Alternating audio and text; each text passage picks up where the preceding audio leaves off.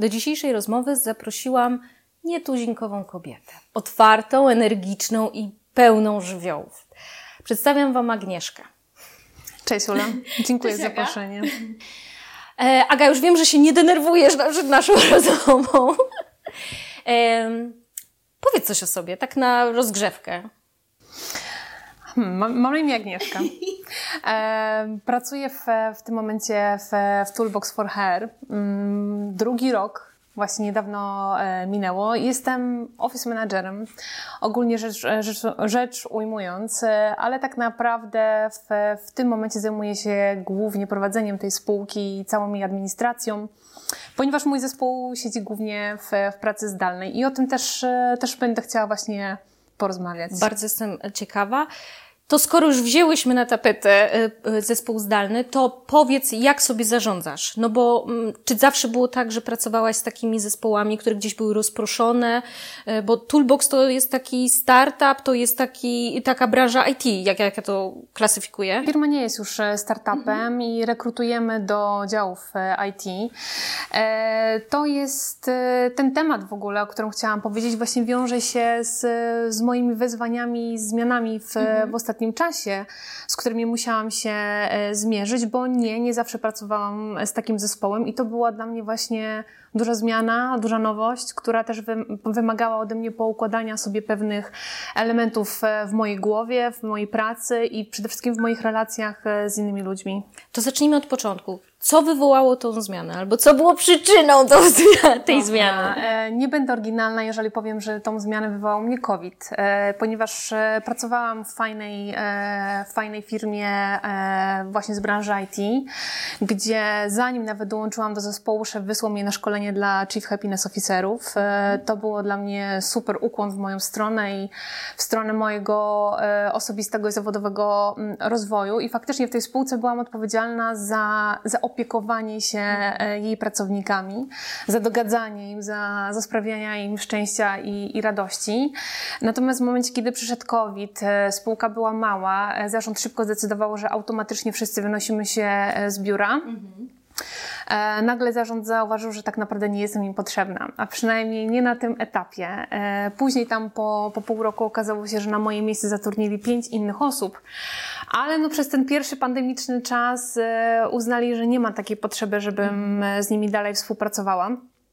I to była ogromna zmiana, ogromny szok dla mnie. E, prywatny chyba bardziej niż e, zawodowy, dlatego że mnie to bardzo ubodło.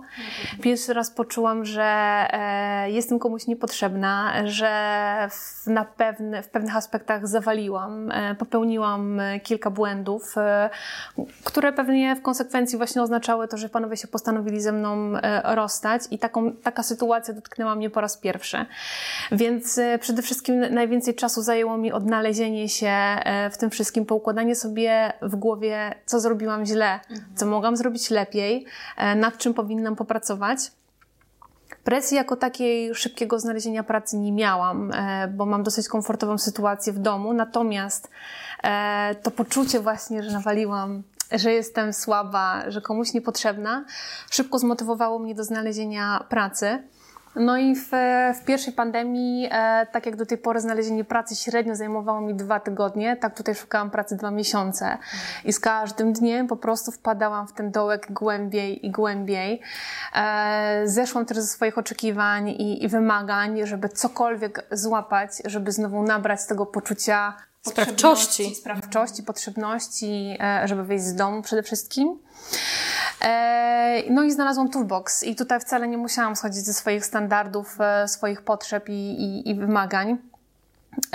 Natomiast tutaj zderzyłam się z kolejną zmianą, bo tak naprawdę w biurze z zespołem popracowałam może niecałe dwa miesiące. I to też z zespołem na miejscu. Na miejscu. Mm -hmm. I to też z zespołem e, ludzi nowych, którzy dołączyli do, do firmy tak samo jak ja i którym na początku trzeba było patrzeć na ręce i, i nauczyć się trochę kultury wewnętrznej organizacji, której de facto ja sama się uczyłam. Czyli jednocześnie, że to, że ty przyszłaś jako nowa i jeszcze od razu wpadłaś w ten drugi aspekt, czyli uczę wszystkich nowych, którzy tak samo przychodzą tak. jak ja. Tak. Wow. Mhm. Ale po dwóch, e, po dwóch miesiącach, to było pod koniec lata, też stwierdziliśmy z szefem, że spółka też jest znowu za mała. Mhm. E, mamy na przykład dwóch rekruterów, którzy pracują na jednym projekcie. Nie daj Boże, któryś z nich zachoruje, to obydwie osoby są wyłączone z, z projektu. Więc e, też szybko zamknęliśmy biuro. E, na Placu Konstytucji w 80-metrowym mieszkaniu zostałam sama. Przez rok czasu pracowałam tam sama. E, ludzie wpadali do mnie od czasu do czasu załatwić administracyjne rzeczy.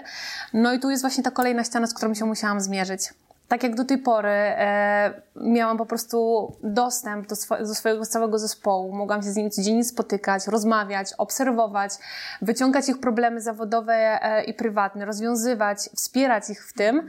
Tak, teraz co miałam? Szklany ekran przed oczami. I tak. I, e, I pustkę. E, wdrożenie wszystkich procedur, obieg dokumentów, jak złożyć komuś ofertę albo jak złożyć komuś wypowiedzenie, żeby ono było ważne prawnie. E, I jeszcze do tego, jak doszły aspekty, że ten ktoś jest cudzoziemcem. No, mnóstwo takich rzeczy, które trzeba było zrobić e, ASAP, mhm. natychmiast i żeby ludzie to zaakceptowali, żeby nie narzucać im swojej woli. Tego wszystkiego musiałam się nauczyć po prostu w tygodnie, tak? Z dnia na dzień musiałam to wszystko sama przyswoić, wypracować e, to razem z szefem, żeby to też było zgodne z jego filozofią prowadzenia firmy i przekonać ludzi, że faktycznie to, to może działać, dlatego że były takie osoby, e, które zarzucały mi, że ich pierwsza umowa w ogóle, pierwsza umowa o pracę, podpisana jest podpisem elektronicznym, gdzie oni są przyzwyczajeni do podpisu ręcznego i dla nich, bo ja im mogą tłumaczyć, że w sądzie, w urzędach, e, u prawnika to jest równoprawny dokument. Ba, e-mail, wiadomość na Slacku, to jest równoprawny prawny dokument. E, no ale też ludzie mają pewne swoje przyzwyczajenia, mentalność. Nie tylko dla mnie to była nowa sytuacja, ale też dla nich.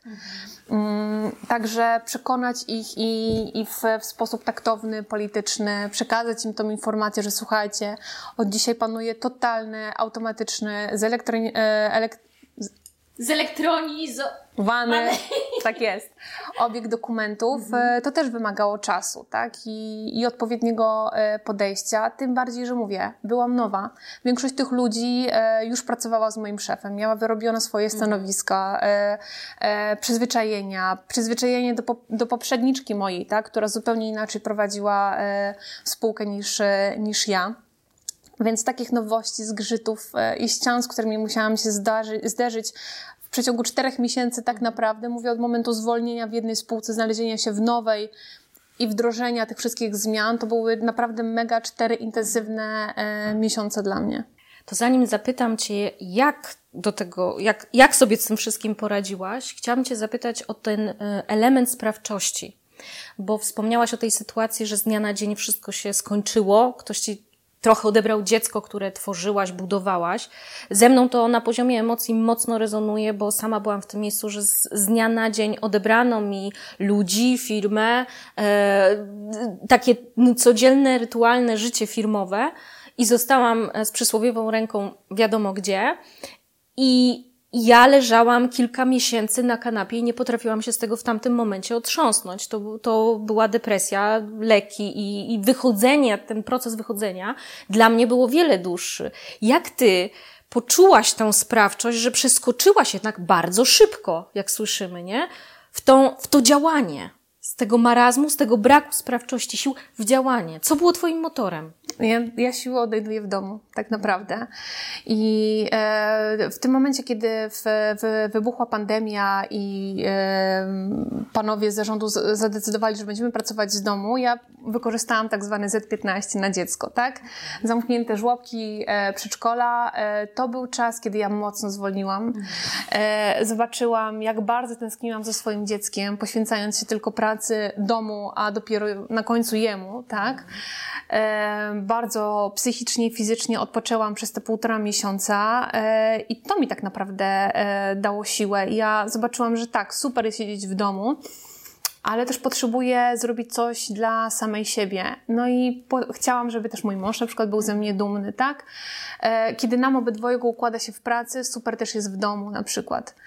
Te energie współgrają tak. ze sobą. Mhm. Poza tym ja nie znoszę siedzieć w domu. Jest po prostu weekend, godzina 6 rano, mój syn się budzi. E, ja szybko ogarniam dom, godzina 10 jesteśmy gotowi do wyjścia. O Boże.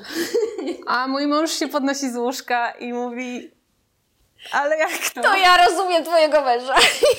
Także ja, ja e, potrzebowałam e, włożyć tą swoją energię, te swoje pomysły w nową organizację, mm, w nowe miejsce e, i to po prostu wykorzystać. Ja jestem dosyć pozytywną osobą, mam swoje e, upadki emocjonalne, potrzebuję się wypłakać, wykrzyczeć tak, ale generalnie odpycham od siebie negatywne myśli i osoby. E, zamykam pewne rozdziały i staram się jak najszybciej iść do przodu i e, wyciągać zawsze pozytywne rzeczy e, z negatywnych sytuacji albo ze zmian.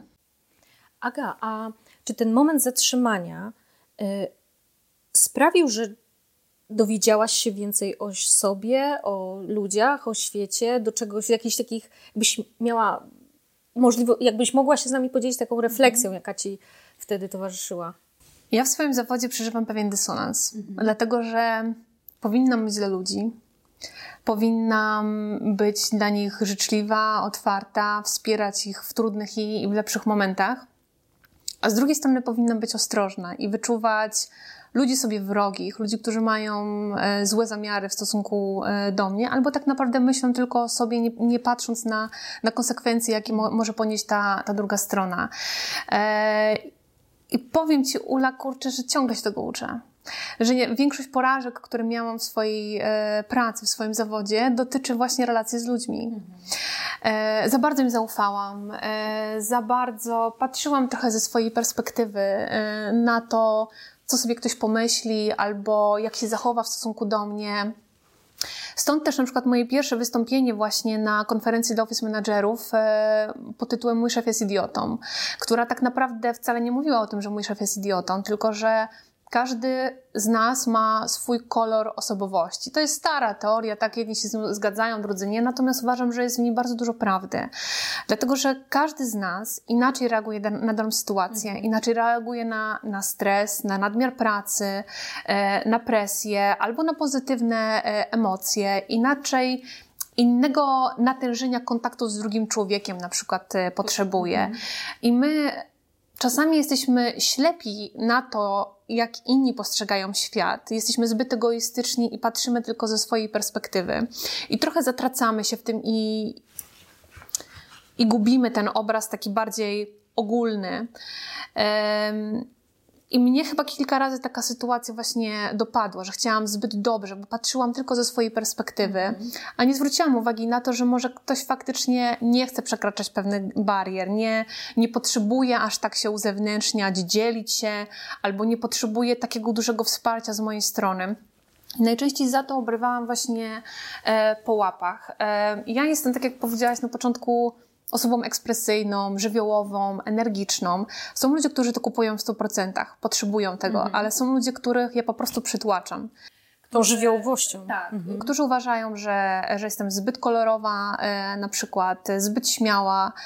E, I to, czego w dalszym ciągu się uczę, to obcować z takimi osobami, mhm. gdzieś, gdzieś hamować swoje zapędy, bardziej dostosować, stonować Czyli nie przekładać tego, co ty, na innych. Tak. Mhm. Bardziej stonować swoją osobowość po to, żeby e, wydobyć z tych ludzi to, co najlepsze, albo to, czego ja od nich potrzebuję. Mhm. To też jest pewnego rodzaju manipulacja, bo uważam, że właśnie to, że ja jestem świadoma e, tego, jak kolorowa jestem, jak energiczna jestem, e, to jest rzeczą bardzo dobrą, która pomaga mi właśnie regulować to, stymulować innych do, do działania i do współpracy, do współpracy ze mną. To jest bardzo ciekawe, co mówisz, bo ja to nazywam, że my swoje filtry nakładamy na innych i w tych filtrach są nasze oczekiwania, nasze przekonania, nasze podejście, właśnie to, czy jesteśmy bardziej do ludzi, czy bardziej wycofujemy się i chowamy się za ekranem, nie? I my często robimy to zupełnie, jakby to powiedzieć, bezwiednie, nie, nie, nie widzimy tego, a ty to zobaczyłaś. Także. Podostałam wiele razy po łapach za to. Ale co by nie mówić, super, że dostałaś po łapach, bo byś prawdopodobnie tego nie zobaczyła. To prawda, tak. Te trudne sytuacje, w których się znalazłam, w ogromnym stopniu mnie e, ukształtowały, otworzyły mi oczy na, na wiele rzeczy. Aczkolwiek to nie znaczy, że dalej tych błędów nie popełniam, tylko na dużo mniejszą skalę na pewno i z, potrafię dużo szybciej na pewno zareagować mhm. i, i naprawić swoje błędy, niż e, trwać w tym i później ponosić ogromne konsekwencje tego to jaka jest Agnieszka dziś, a jaka była jeszcze przed pandemią? Dzisiaj jestem chyba trochę bardziej stonowana i zrównoważona. E, z większą rezerwą na pewno podchodzę do, do ludzi i z większą świadomością. Mhm. E, zauważam nawet, że teraz, e, nawet jeżeli mam tylko kontakt online z, ze swoim zespołem, to, to potrafię być różna dla różnych osób, biorąc właśnie pod, pod uwagę ich, e, ich potrzeby. Mhm. Mam osoby podobne do mnie temperamentem, które są naprawdę śmiałe, wiecznie radosne, pozytywnie nastawione.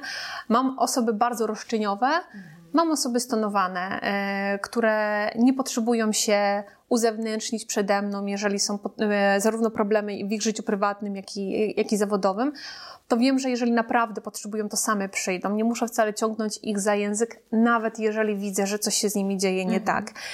Wcześniejsza Agnieszka na pewno by naciskała, tak? na pewno by, by mówiła, ja wiem, ja mam rację, ja to widzę po tobie, po prostu czytam to w twoich oczach, mów.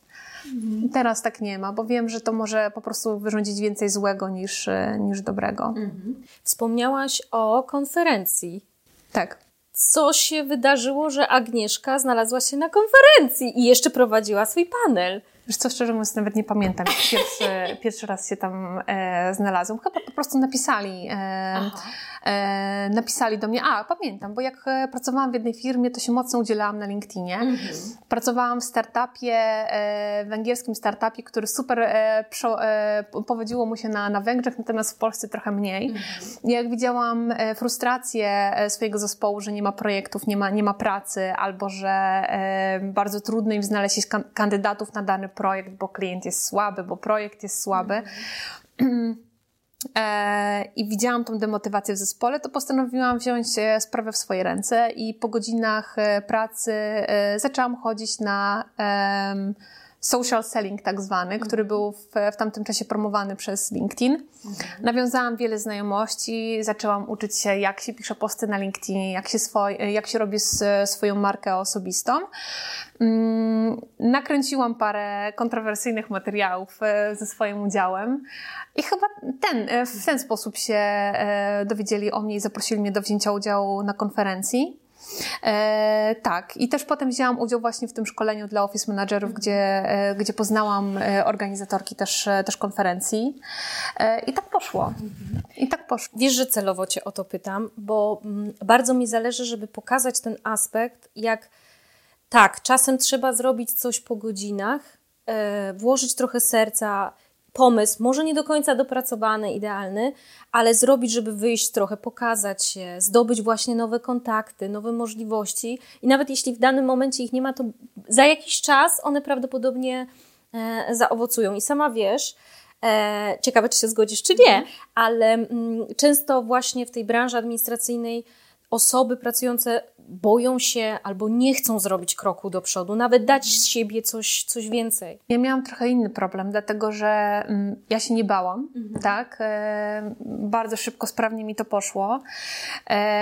Natomiast tu były dwa problemy. Po pierwsze, LinkedIn nie jest e, określony, czy jest Twoim profilem, profilem prywatnym, czy firmowym. Jednak promujesz też nazwę e, firmy i, e, i ja pisałam o treściach też firmowych. Promowałam wydarzenia firmowe, więc gdzieś tam logo firmy zawsze, zawsze się po, pojawiało. I w pewnym momencie doszło do konfrontacji między mną a szefem, i mhm. który powiedział, że aga, super, faktycznie klienci się pojawiają, logo jest rozpoznawalne, ale jesteś tylko asystentką biura. Mhm. Mówi, chcesz, to pisz, ale na profilu Operation Managera. Ty jesteś tylko asystentką. Ja, Ula, wybuchłam. Dobrze. Mówię, ja po prostu poświęcam swój czas po pracy, chcę pomóc rozwinąć firmę e, w Polsce, chcę ją promować, e, a ktoś mi po prostu podcina w tym momencie skrzydła. Mówię, te treści, moje pomysły, one się nie biorą znikąd. Ja nad tym też muszę posiedzieć, popracować, pomyśleć, zastanowić się, zaplanować, e, zaplanować kiedy, jaki post na przykład Ale samo wrzucę. pisanie posta, większość osób sobie nie zdaje sprawy, ile zajmuje napisanie posta. Tak. Pomysł, do napisanie, sprawdzenie, korekta, żeby to miało ręce i nogi. Dokładnie, e, dokładnie tak. E, pokłóciłam się wtedy srogo z szefem, nawet e, miałam myśl, żeby, żeby rzucić papierami. E, w każdym razie nie zagrałam z nim w, w meczu e, w siatkówkę, bo wtedy akurat e, był taki konkurs, takie zawody organizowane dla, dla tego sektora z, z branży ale ochłonęłam i powiedziałam, że rozumiem jego perspektywę, że faktycznie LinkedIn to, to jest też biznesowy portal i że faktycznie powinnam uzgodnić z nim całą, e, całą mm, strategię tak, zdobywania klientów albo roz, rozprzestrzeniania e, znajomości e, brandów w Polsce. Doszliśmy do konsensusu, on mi przyznał rację, ja mu przyznałam rację. Natomiast gdzieś ten zapał opadł. Mhm. Gdzieś ten zapał opadł, opadł stwierdziłam, że to chyba nie ma sensu, jeżeli nie zgadzamy się w, w w tym kierunku, mhm. to, to powinniśmy po prostu to, to zostawić. E, gdzieś tam później e, sama siebie promowałam pisałam jakieś tam wypowiedzi na, na dany temat. E, natomiast tak, żeby dalej promować firmę, stwierdziłam, że to powinno wyjść jednak od pracodawcy, taka inicjatywa i, i zostawiłam to wyciągając jednak z tego dobre e, wnioski i e, dobre rzeczy, to zaowocowało to potem e, właśnie tymi propozycjami. Zaowocowało propozycjami, milionem znajomości, po prostu teraz używam do dzisiaj. Mhm. Do dzisiaj ich używam. Nie wiem, czy to chodzi o prawnika, czy o pana od drukarki, czy o event firmowy. Mhm. Mnóstwo po prostu znajomości. Wiele z tych osób są moimi kolegami, koleżankami, z którymi na co dzień utrzymuję kontakt. Dostałam dwie oferty pracy przez to, że, e, że pisałam. Także naprawdę warto poświęcić się właśnie takiej swojej marce osobistej na, mm, w social mediach. Czy to będzie LinkedIn, czy, czy Facebook, Instagram. Jeżeli robimy to profesjonalnie, uważam, że to naprawdę trwa to długo. Tak. Trwa to długo, ale uważam, że warto. I tak jak ten, e, te LinkedIn Local spotkania dały mi przede wszystkim właśnie znajomości i, i kontakty z ludźmi. I to jest chyba najważniejsze. Mm, kiedyś zaczytywałam się w książkach i miałam takiego e, szefa, z którym mnóstwo czasu rozmawiałam o książkach. E, jak wróciłam do niego po pewnym czasie i powiedziałam, jaką masz dla mnie książkę do polecenia, on mówi, wiesz co? Przestałem czytać, przestałem poświęcać czas na przerzucanie e, setek stron w tygodniu, w miesiącu, tylko wyszedłem do ludzi i wyciągnąłem z tego znacznie więcej po prostu kiwam głową, bo ostatnio miałam taką podobną rozmowę z jednym z pracowników firmy, z którą współpracowałam, i on mówi do mnie: Ula, ja mam już dosyć teorii, w sensie ja mam już dość wysłuchiwania szkoleń, czytania książek, wertowania.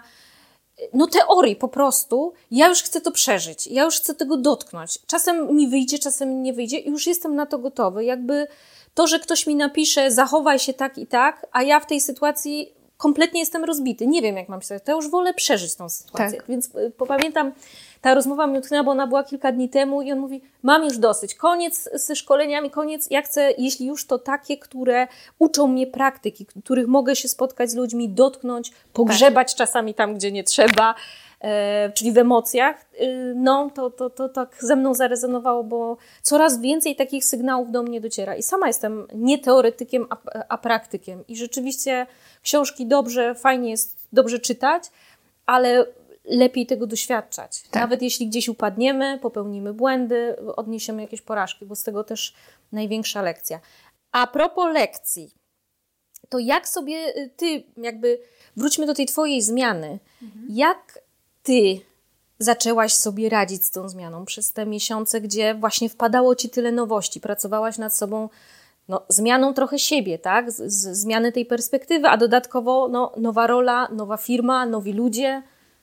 Starałam się w, w tym wszystkim znaleźć równowagę, dlatego że prawda jest taka, że przez te pierwsze miesiące wracałam wyczerpana z tej pracy, ale tak pozytywnie. W mhm. sensie działo się tyle, że ja nie miałam czasu e, usiąść i pomyśleć o głupotach, tylko naprawdę byłam skupiona. Zależało mi na tym, żeby wypaść jak najlepiej. E, znalazłam się też e, w trudnej sytuacji w tej firmie, o której nie za bardzo chcę, chcę mówić. Natomiast wymagało to ode mnie znowu szybkiej nauki. Profesjonalnego zachowania. Także to, to pochłaniało mnóstwo energii ode mnie. Dlatego mówię, jak wracałam do domu, to starałam się znaleźć w tym domu azyl, e, ale znaleźć też czas dla siebie, żeby poukładać sobie e, wszystko w głowie. E, zaczęłam spisywać swoje myśli, to, co się wydarzyło w, w danym dniu. Było to raczej chaotyczne. Jakbym teraz do tego wróciła, to nie miałoby to większego ładu i składu, natomiast potrzebowałam to przelać mhm. na, na papier, bo było tego mm, tyle, że nie chciałam się po prostu w tym pogubić. E, I to po prostu wyrzucanie tych myśli e, z głowy dużo, dużo mi dawało, więc chyba, chyba to. No i nie oszukujmy się, trochę, trochę pracuję. Pracuję ponad 15 lat, więc e, może nie wszystko potrafię po prostu ubrać w słowa, tak? Bo te rzeczy dzieją się automatycznie razem z naszym doświadczeniem i, mm, i z tym, co przeżywamy, to z czym się zderzamy, co nas kształtuje, tak? Myślę, że też duża intuicyjność jest we mnie, że dużo rzeczy zostawiam też e, sobie wewnętrznie, swojej świadomości, radzeniu sobie z emocjami. Mhm. Wiem, że mam duży poziom inteligencji emocjonalnej, więc to też gdzieś mi pomaga sobie porządkować pewne, pewne rzeczy. Jestem bardzo świadoma tego, że mówię, negatywne zdarzenie odpycham od siebie. Mhm. To, jest, e, to jest do tego stopnia, że ja odczuwam skurcz w żołądku, kłucie w gardle i wracam na przykład myślami do bujawki na jabłoni u babci w ogrodzie. O matka! o. No. Ważne przeżycie. Um, to jest, nie wiem czy masz, Ula, czy macie takie poczucie z dzieciństwa totalnej błogości. Coś, co wam sprawiało taką ogromną radość, że znowu delikatne uczucie motyle w żołądku i to jest to, co zawsze czuję, kiedy dopada mnie ogromny stres, mhm. duży problem. Uświadamiam sobie, że to jest, że trzeba z tym walczyć, ale mówię, to nie jest wart tego, żeby teraz się na tym skupiać, tylko właśnie jabłoń, huśtawka mhm. i do przodu. To, to, wspomnienie e, przenosi cię w tą twoją strefę komfortu, bezpieczeństwa i, i ono cię wtedy w tej sytuacji stresującej prowadzi. Tak, mhm. zdecydowanie tak. Super, super.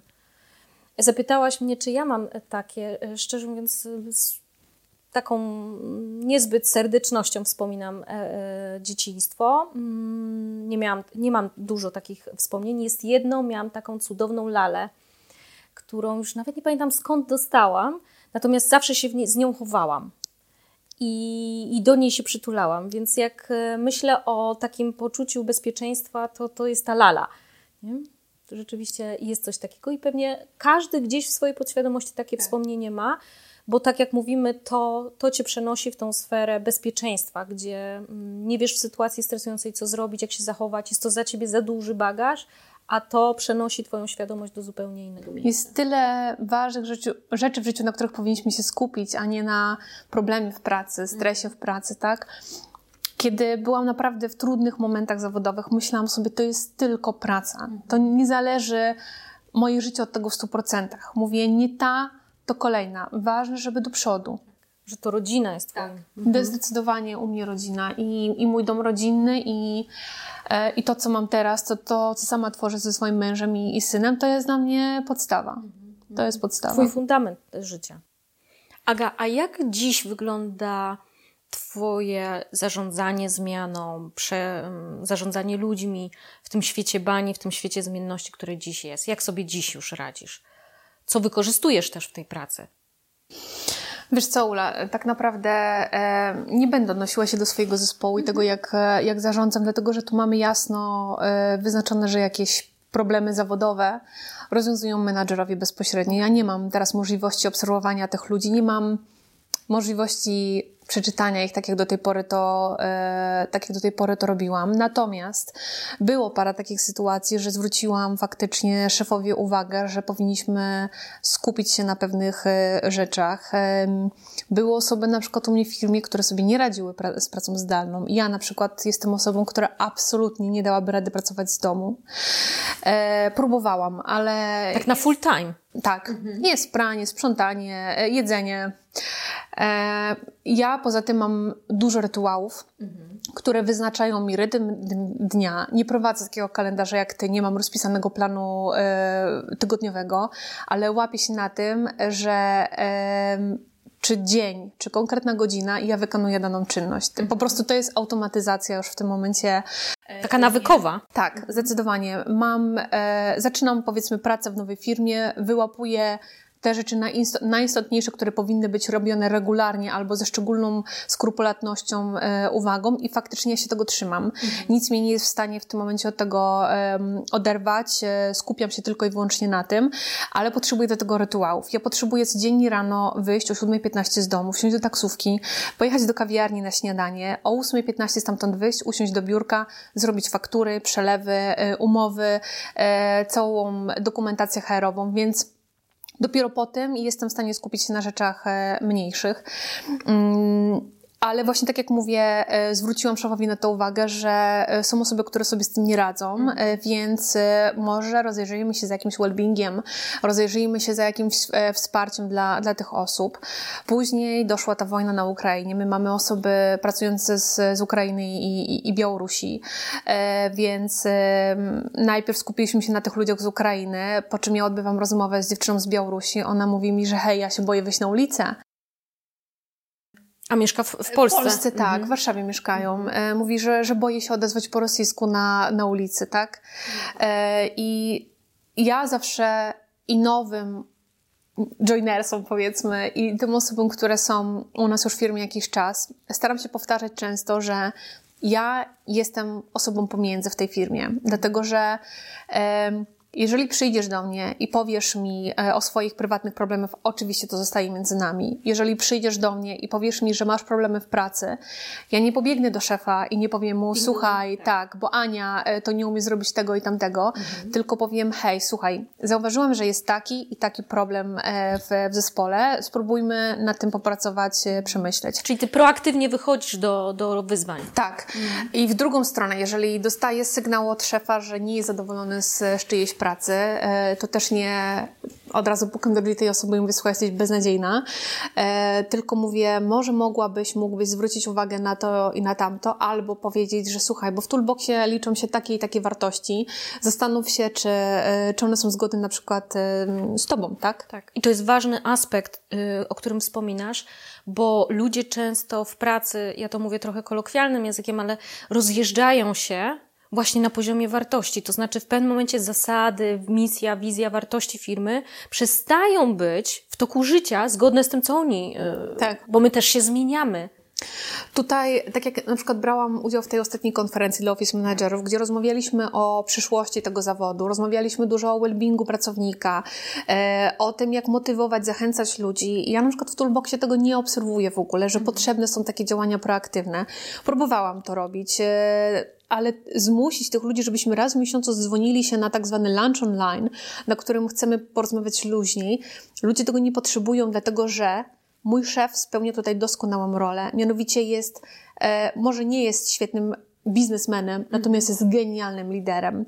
Potrafi przyciągnąć ludzi, potrafi wybrać do zespołu ludzi, którzy będą podzielali jego wizję i będą podzielali jego lojalność.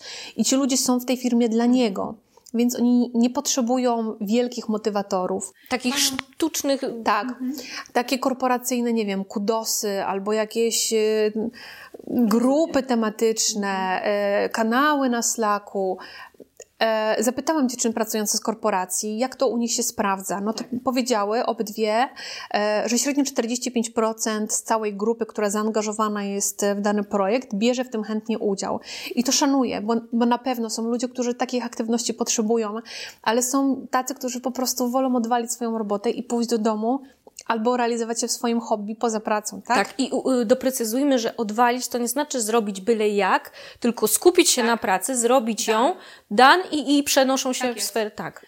Tak jest, więc y, tutaj nawet jeżeli wychodziłam z, jakimiś inicjatywami i na przykład staraliśmy się co 3-4 miesiące wysłać inboxy z jakimiś prezentami z logo firmy, y, żeby jednak mieli ten kubek z logo, żeby pamiętali, a pracuję dla Toolboxu, tak? No to po pewnym czasie okazało się, że ludzie nie chcą dostawać gadżetów, które wrzucą w kąt, tylko są tak spragnieni kontaktu ludzkiego, że wolą naprawdę spotkać się w restauracji, na jednym drinku czy przy kolacji, e, spotkać się z osobami, których do tej pory nigdy nie widziały na żywo, bo na przykład jedna jest we Wrocławiu, druga w Gdańsku, zostały nowo zatrudnione, ale wiesz, co jest najpiękniejsze, że ci ludzie spotykają się pierwszy raz face to face, a zachowują się jakby znali się po prostu tak, od dawna. To jest, to jest rzadkie. Ma, nie ma żadnej bariery, dlatego ja jestem tutaj e, spokojna e, o kulturę organizacji i też nie wychodzę za bardzo przed szereg, bo ja widzę, że za każdym razem jak wychodziłam przed szereg i chciałam coś organizować dla tych ludzi, e, czy spotkania one-to-one z, z menadżerem, żeby sobie po prostu pogadali i się lepiej poznali, to wykraczało po ich strefę, poza strefę komfortu. Wiesz, bo tworzenie czegoś na siłę nigdy nie kończy się dobrze. To znaczy ludzie czują, że to jest sztuczne, że to jest takie wymuszone, że to nawet nie jest ich pomysł, tylko kogoś. Tak a nie, a nie pyta się ich na przykład, czego potrzebują, czego tak. chcą, tak? Bo ludzie, owszem, nie wszyscy pracownicy powiedzą, e, ale w dużej, w dużej mierze potrafią powiedzieć, słuchajcie, no nie chcę jeździć na imprezy integracyjne, nie potrzebuję tych koli e, właśnie kanapkowych, że jedźmy sobie wszyscy lunch. Nie. Jak się spotkamy, wyznaczymy, nie wiem, raz w miesiącu, że idziemy na piwo, super, mi to wystarczy, nie? To tak, tak jak mówisz to jest e, niezwykle ważne. To jakie e, pomysły albo działania w najbliższym czasie u Ciebie w Twoim zawodzie, w Twoich działaniach, w Twoim rozwoju? Chciałabym e, trochę wrócić właśnie do obcowania z, z ludźmi i, i, i pomagania im. Natomiast jak się potoczy, zobaczymy, tak? E, na pewno chciałabym w perspektywie mieć swój zespół, jakiś mhm. administracyjny, e, biurowy, ale to bez, bez presji. Ja mhm. cenię sobie w pracy komfort e, i elastyczność, którą tutaj mam ogromną. Jeżeli zawsze szukam pracy, to zawsze powtarzam, że dla mnie priorytetem jest mój syn. Zwłaszcza mhm. teraz e, idzie do szkoły i dla mnie w Toolboxie jest super, że po prostu pięć minut przed informuję mojego szefa, słuchaj, potrzebuję wyjść na godzinę, załatwić to i to ale to też wynika z tego, że mój szef wie, że jeżeli jest termin, to moja praca będzie zrobiona. Nieważne, czy będzie zrobiona do godziny 12, czy będzie zrobiona do godziny 18, mhm. tak? Jeżeli potrzebuję wyjść, to, e, to śmiało mogę to e, robić. Tutaj mam duże zaufanie e, u szefa i to też jest dla mnie bardzo istotne i jeżeli kiedykolwiek miałabym szukać miejsca pracy, to myślę, że miałabym z tym e, duży problem mhm. znaleźć, e, znaleźć coś, coś e, podobnego. Natomiast też uważam coś za coś. Mhm. Albo masz spokój, dużą elastyczność, pewność tego, co, co robisz, albo masz po prostu pieniądze zasuwasz jak, jak dzika, tak i pracujesz co najmniej od 8 do, do 17, 19 e, powiedzmy w, w korporacji. Trzeba sobie wyznaczyć priorytety w, w życiu. Tak jak powiedziałam, ja mam komfortową sytuację e, w domu i zawsze wybieram pracę, która ja nazywam pracę projektem, który mhm. będzie dla mnie satysfakcją, tak? I, i możliwością rozwoju, spróbowania nowych aspektów, nowych dziedzin i tutaj, tutaj w 100% to, to dostaję. E, nigdy, naprawdę nigdy nie musiałam być w, w, sytuacji, że muszę iść do pracy, bo nie mamy co do lodówki e, mhm. wsadzić i, i życzę tego naprawdę e, wszystkim i dziewczynom z administracji, żeby nie odwalały, nie robiły tej brudnej roboty za, za kogoś, tylko czerpały z tego mhm. satysfakcję, tak? I naprawdę traktowały ją jako projekty. Na konferencji, jak rozmawiałyśmy o przyszłości, tak E, administracji. E, tak jak e, obserwowałam, robiłam taki research rynkowy, to zauważyłam, że w pierwszym rzucie covidowym działy administracji zostały zredukowane i ogłoszenia o pracy wyglądały tak. Szukam office managera, siedzącego na recepcji, będącego asystentką zarządu, będącego asystentką biura, zarządzająca flota, flotą, księgowością, HR-ami wszystkim, wszystkim, tak, wszystkim. Wynagrodzenie 3200 brutto. E, to były, to były moje... E, Kurtyna milczenia, wiesz? To były moje, moje obserwacje. Albo wręcz w drugą stronę. Rok doświadczenia, e, podobny zakres obowiązków, 12 tysięcy brutto, tak? W korporacji. Mhm. ale wracając do tego właśnie, przed wystąpieniem na, na, konferencji, kiedy mówiłyśmy o przyszłości office managerów, znalazłam fajny, fajny raport zrobiony przez nigdy nie pamiętam nazwy tego. Deloitte. Przez mhm. Deloitte. Um, przez Deloitte, e, gdzie e, pisali o tym, jak łatwo właśnie ludzie pracujący w HR, w administracji, bo powiedzmy sobie szczerze, w korporacjach dział administracji zahacza o HR i mnie trochę zaskakuje, jak, jak dziewczyny pracujące w administracji, w korporacjach mówią, że, że nie mają perspektyw rozwoju, e, że ich praca jest odtąd, dotąd, dalej nie. Wydaje mi się... Szklany sufit. Tak, mhm. że to są tak płynne działy, że naprawdę wystarczy tylko chcieć, wystarczy zapukać w odpowiednie drzwi, wystarczy zrobić odpowiednie zadanie, żeby wybić się dalej i zmienić dział. Może się mylę, Nigdy tego nie robiłam. Pracowałam w kancelarii, która jest korporacją, wprawdzie na recepcji, ale widziałam, jak recepcjonistka potrafiła awansować na asystentkę głównego, e, e, głównego tego mecenasa, tak? Aga, powiem Ci mało tego, w naszej społeczności, jeszcze na biurowych rewolucjach, było kilkanaście osób, które, wiesz, przeszły pewną ścieżkę od recepcji do dyrektora administracyjnego. I chociaż wydawało mi się na początku, że tak utkną na tej recepcji i tam już po prostu zostaną.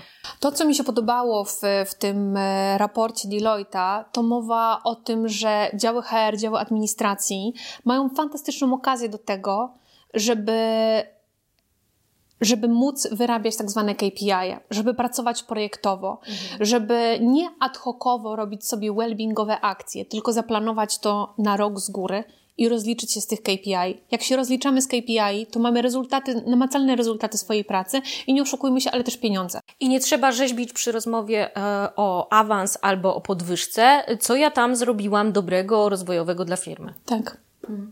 No dobrze, to tym przemiłym, choć niezbyt łatwym aspektem, chciałam Cię zapytać o ostatnia rzecz. Jeden tip dla osób, które nas oglądają. Jeden Od Agnieszki. Tip. Podpisane Agnieszka.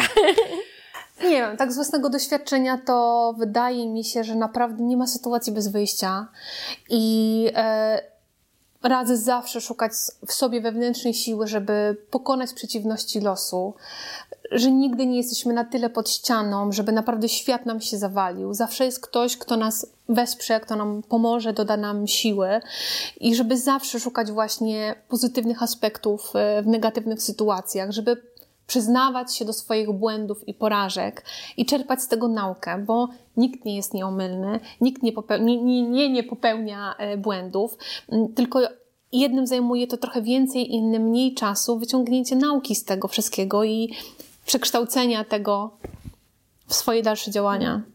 A ja tylko dodam od siebie odnośnie tego bycia pod ścianą, Często nam się wydaje, jak tam jesteśmy, że to już koniec, że już trzeba się kłaść, umierać i w ogóle nic dobrego nie będzie. Mnie życie nauczyło, że właśnie kiedy jestem pod ścianą, to tam jest często wskazówka, podpowiedź, odpowiedź na to, co zrobić dalej, gdzie iść, e, co mi jest potrzebne, czego już nie chcę. Szereg takich, czasem mikro, niezauważalnych podpowiedzi, które na nas czekają, a my nie zauważamy ich, nie dostrzegamy. Czasem dobrze jest być pod ścianą. Zgadzam się. Aga, piękne dzięki za inspirującą i żywiołową rozmowę. Wielkie, wielkie dzięki. Dzięki Ula, to dla mnie zaszczyt, że mnie zaprosiłeś. Trzymamy kciuki za Twoje działania i myślę, że jeszcze do zobaczenia.